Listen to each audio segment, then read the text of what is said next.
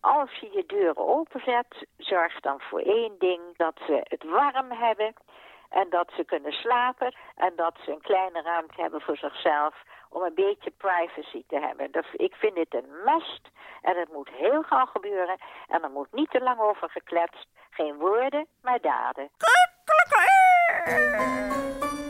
Hier is Hanengekraai door Luc Drosten met Elisabeth Bierens de Haan.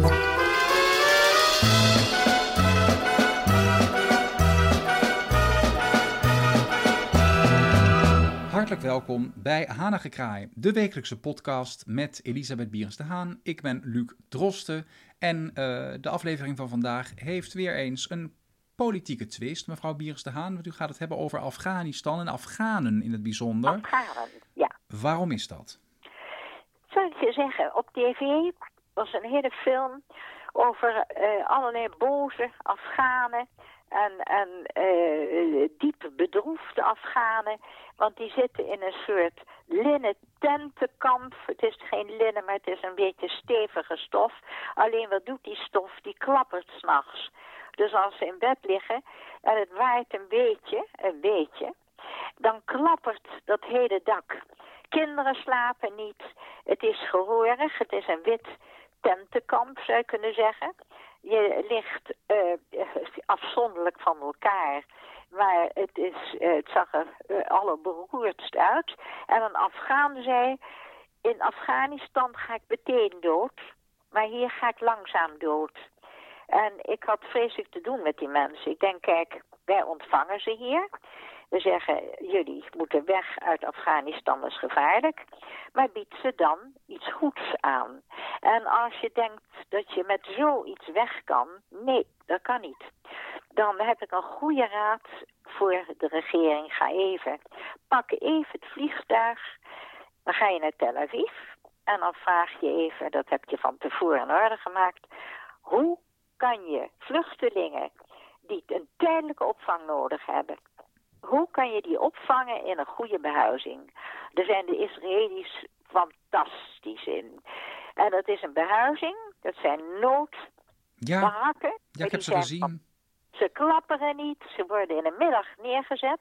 Ze komen uit de fabriek. Je vouwt ze uit en je hebt een huis. Het is ongelooflijk. Ga even op en neer naar Tel Aviv. Maak van tevoren een afspraak, wil weten wat voor producten hebt u daar die wij hier niet hebben. En hoe kan dat in zo'n vlugge tijd, zeg maar in een paar dagen heb je daar een heel tentenkamp. In plaats van die klapperboel waar de Afghanen nu in zitten. Kijk, het is hetzelfde als ik tegen jou zeg, kom maar logeren. En ik zeg, ga jij dan maar in de schuur slapen. Dat doe je ook niet. Je ontvangt de Afghanen. Ze hebben ellendige dingen meegemaakt. Dan ga je ze niet in klapperende tenten stoppen. Nou, dat heeft mijn aandacht. Ik heb voor ze gebeden. Ik heb gebeden dat de regering nu langzamerhand gaat uit van de COA, hè, geloof ik. Ja dat de regering zo langzamerhand uh, zich bewust wordt. We moeten niet vergaderen, maar we moeten ze meteen, hupsakee, in wat caravans zetten. Je kan naar een caravanbedrijf gaan en zeggen, hebt u nog wat oude staacaravans? En dan zet je een paar families in een paar staacaravans. Wat vindt u, uh, um, en in Ter Apel moeten die mensen zich allemaal melden. Het puilt daar ook uit, ze hebben daar geen plaats meer. Wat vindt u in het algemeen van het huidige asielbeleid en mevrouw Broekers-Knol? Als je je deuren openzet, zorg dan voor één ding. Dat, het, dat ze nachtrust hebben, is heel belangrijk. Dat het van stevig materiaal is. Van mij part eh, maak je een deal met een, eh, een caravan, groot caravanbedrijf. Die huisjes worden nu toch niet bewoond. En dan ga je kijken of er een mogelijkheid is om mensen in, in, in zomerhuisjes te zetten voor tijdelijk. Ik heb het over tijdelijk. Maar eh, doe je, ben je zo genereus om deze mensen op te vangen, waar je ook vandaan komt. Maar geef ze wel een goed onderdak, zodat ze het warm hebben en dat ze kunnen slapen, dat vind ik heel belangrijk. En dat ze een kleine ruimte hebben voor zichzelf om een beetje privacy te hebben. Ik vind dit een must en het moet heel gauw gebeuren. En er moet niet te lang over gekletst. Geen woorden, maar daden. Ja, Feyenoord. Dus, zo, dus eigenlijk gewoon ontvang goed of ontvangt niet. Precies, daar heb je het. En niet te lang vergaderen, maar gewoon zeggen... Zo gaan we het doen, afgelopen. Ja, eenheid in de politiek is sowieso iets waar we allemaal wel op zitten te wachten. Hè, Ja, maar ga, deze mensen hebben al beroerde dingen meegemaakt. Kan me die schelen waar ze vandaan komen. Maar dit ging dan over de Afghanen. En eh, dat was erbarmelijk. Ik- Ik zat te denken, zeg, voordat dat, dat ik zoiets mee moet maken met een klapperend plafond. En met gegil en geschreeuw en lawaai. Het is, het is om, om zenuwziek te worden. Dat mag je. Ja, zegt mevrouw Broekersknol, het is maar voor tijdelijk. Nee, het moet meteen van de ene op de andere dag veranderen. Ja. Nou, dat is een oproep en eh, laat men daar vooral gehoor aan geven. Ik denk dat het vooral misgaat door de eindeloze bureaucratie in Nederland. Alles moet Ja, eerst met klopt. vergunningen, dat moet geregeld worden en dat moet dan weer eerst overlegd Ja, worden. dat zegt hij heel goed. Er wordt veel te veel geregeld en gedaan. Gewoon klaar is Kees, geen woorden meer daden. Dat, dat moet gewoon gebeuren. Ja, dat is echt een na- het nadeel van de bureaucratie. Hè? Ja, klopt. Ja, en dat zie je in heel veel sectoren Dat terug. was zo zalig met Peter R. de Vries. En dat was, een, dat was eigenlijk zijn grootste kracht. Geen woorden meer daden, hupsakee. Ja. En dan, iedereen was verbijsterd, verbaasd. Wat gaat er nou gebeuren? Oh, ik heb, eh, Maar, ik, hè? ik heb een hele leuke eh, slogan ineens. Het schiet mij nu te binnen. Ja, Geen gedonder, schouders eronder. Ja. En dat is heel goed. Geen gedonder, schouders eronder. Geen woorden maar daden. Oh, hupsakee. Ja. Maar goed, Maar dat eindeloze geklets. En straks gaat het sneeuwen. Dan gaat het hagelen. Nou, dan zakt die hele tent in. En het, het is verschrikkelijk. ja, dan ga je met je kerstgedachten. Wat ik zag was gewoon hemelschrijend. Ja, en dan nu Ja, komt... dan zie je daar de politici leuk wandelen over een gasveld.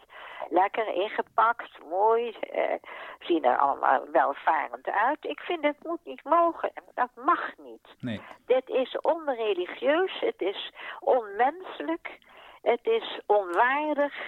En het is fout. Zou u bereid zijn om zelf een vluchteling op te nemen, tijdelijk?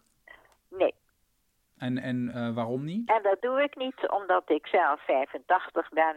En omdat ik toch eh, mijn privacy wil hebben. Dus eh, ja, dat zal Ja. ik zeggen. Eh, ik kan het ze niet aandoen. Ik, ben, ik heb niet meer de mobiliteit die ik had zo'n tien jaar geleden nog. Nee. Je merkt toch 85 Ja. dat je moeilijker loopt. Ja. Gelukkig ben ik niet de enige. Dat ik mag blij zijn dat ik functioneer zoals het gaat. Maar eh, ik heb die gedachte wel eens aan mezelf gesteld.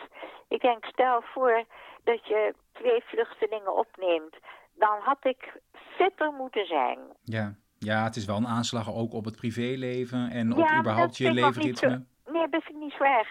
Maar ehm, Het leefritme. ik ben, ik ben, nee, ik ben niet meer de, de ehm, eh, zal ik zeggen, de actieveling. Dus van, eh, maken we lekker dat even op en doen we even dit. Ik doe alles wat moeizamer. En dat eh, voor zo'n opvang moeten gezinnen zijn waar de mensen 50, 60, hooguit wat ouder, maar die eh, vitaal zijn en waar ook een man is, vind ik belangrijk, een man, een vrouw, een echtpaar, misschien met enkele kinderen. En dan, dan zou dat, ik vind in mijn positie, ik heb erover gedacht, ik dacht, hoe zou ik dat vinden? Ik kan het ze niet aandoen. En ik heb liften in mijn huis, trapliften. En dat is, kan gevaarlijk zijn als je niet weet hoe alles werkt. Dat is te problematisch als je niet meer een jonge springenveld bent. Ja. Denkt u dat u het gedaan zou hebben bijvoorbeeld eh, 30 jaar geleden? Ja, zeker. Ja. Ja, maar dan ben je jong en dan, dan zegt Ja. ik zal dit even voor u doen en wacht u even, dan doe ik dat en dan schuif ik dat opzij. Ja, dat, dat kan allemaal niet meer. Nee. Eh, ik mag blij zijn als, als alles functioneert zoals het moet functioneren. Het is een groot huis. Dus eh, ja, dat je de dingen bijhoudt. Ja, nee, dat is heel drie plausibel etages eh, die je moet bijhouden. En ehm, eh, ja, hoe moet ik dat uitleggen? Het is heel duidelijk. Deze mensen verdienen wat ze verdienen. Is een goede opvang. En als er Nederlanders zijn, en dat is ook wel eens gevraagd aan de Nederlander, hebt u ruimte, bent u nog vitaal en fit en zijn de mogelijkheden daar. En er zijn ontzettend goede mensen. De, de Nederlander is daar heel erg, eh, ja, ik zou zeggen, bereidwillig in. En die neemt dan beslist mensen op. En dat weet ik zeker. Ja. Maar dat kan niet als je... Ik mag blij zijn dat ik niet uh, struikel of dat ik op ja. ja, heb ik een opvangheer van een Syrië. En dan ligt mevrouw Bias de Haan ergens. Die, die heeft ze gestoten tegen een kast. Die ligt op de grond. Maar ik overdrijf natuurlijk een beetje orientalische übertreibung, zeggen de Joden. Maar nee, je moet... Uh, je mag het doen, maar dan moet je wel aantonen. Dat wordt ook gevraagd, hè, door het COA. Hoe is uw situatie? En uh, nee, dat, uh, dan moet je echt uh, vitaal zijn, laat ik het zo zeggen. Nou, dat is helemaal duidelijk. Nou, prima, mevrouw Biers Het is helder. En ik um, neem aan dat mensen die dit horen en zich wel geroepen voelen om inderdaad wat te betekenen voor vluchtelingen, zich vooral niet moeten inhouden. En op die manier kunt u toch wel weer uh, misschien uh, indirect uw steentje bijdragen aan het probleem. Uh, ik dacht, ik heb de vinger op de zere wond gelegd. Ja. En, en ik hoop dat mensen die luisteren, die mensen die luisteren, dat ze denken van, eh, ja, inderdaad, daar zit wat in. Maar het belangrijk is dat de overheid zorgt, je komt hier en wij bieden je een goede behuizing aan. Maar niet in een of andere ingezakte tent. Dat kan niet. Zo, en dat is duidelijk. Mevrouw Bierstaan, ik dank u weer voor uw uh, duidelijk pleidooi. En ik zou zeggen, uh, ik wens u, want de kerst komt eraan, ik wens u een uh, vrolijk en zalig kerstfeest. En, Dankjewel. ja, we wensen dan ook toch maar um, de vluchtelingen ja, zo goed mogelijk toekomst en een goed nieuw jaar alvast. En ik hoop dat het in het nieuwe jaar, dat dat geluk voor hen mag brengen. De vluchtelingen moeten een warm nestje krijgen. Ja. Daar gaat het om. Daar gaat het om. En dieren moeten warme mandjes hebben.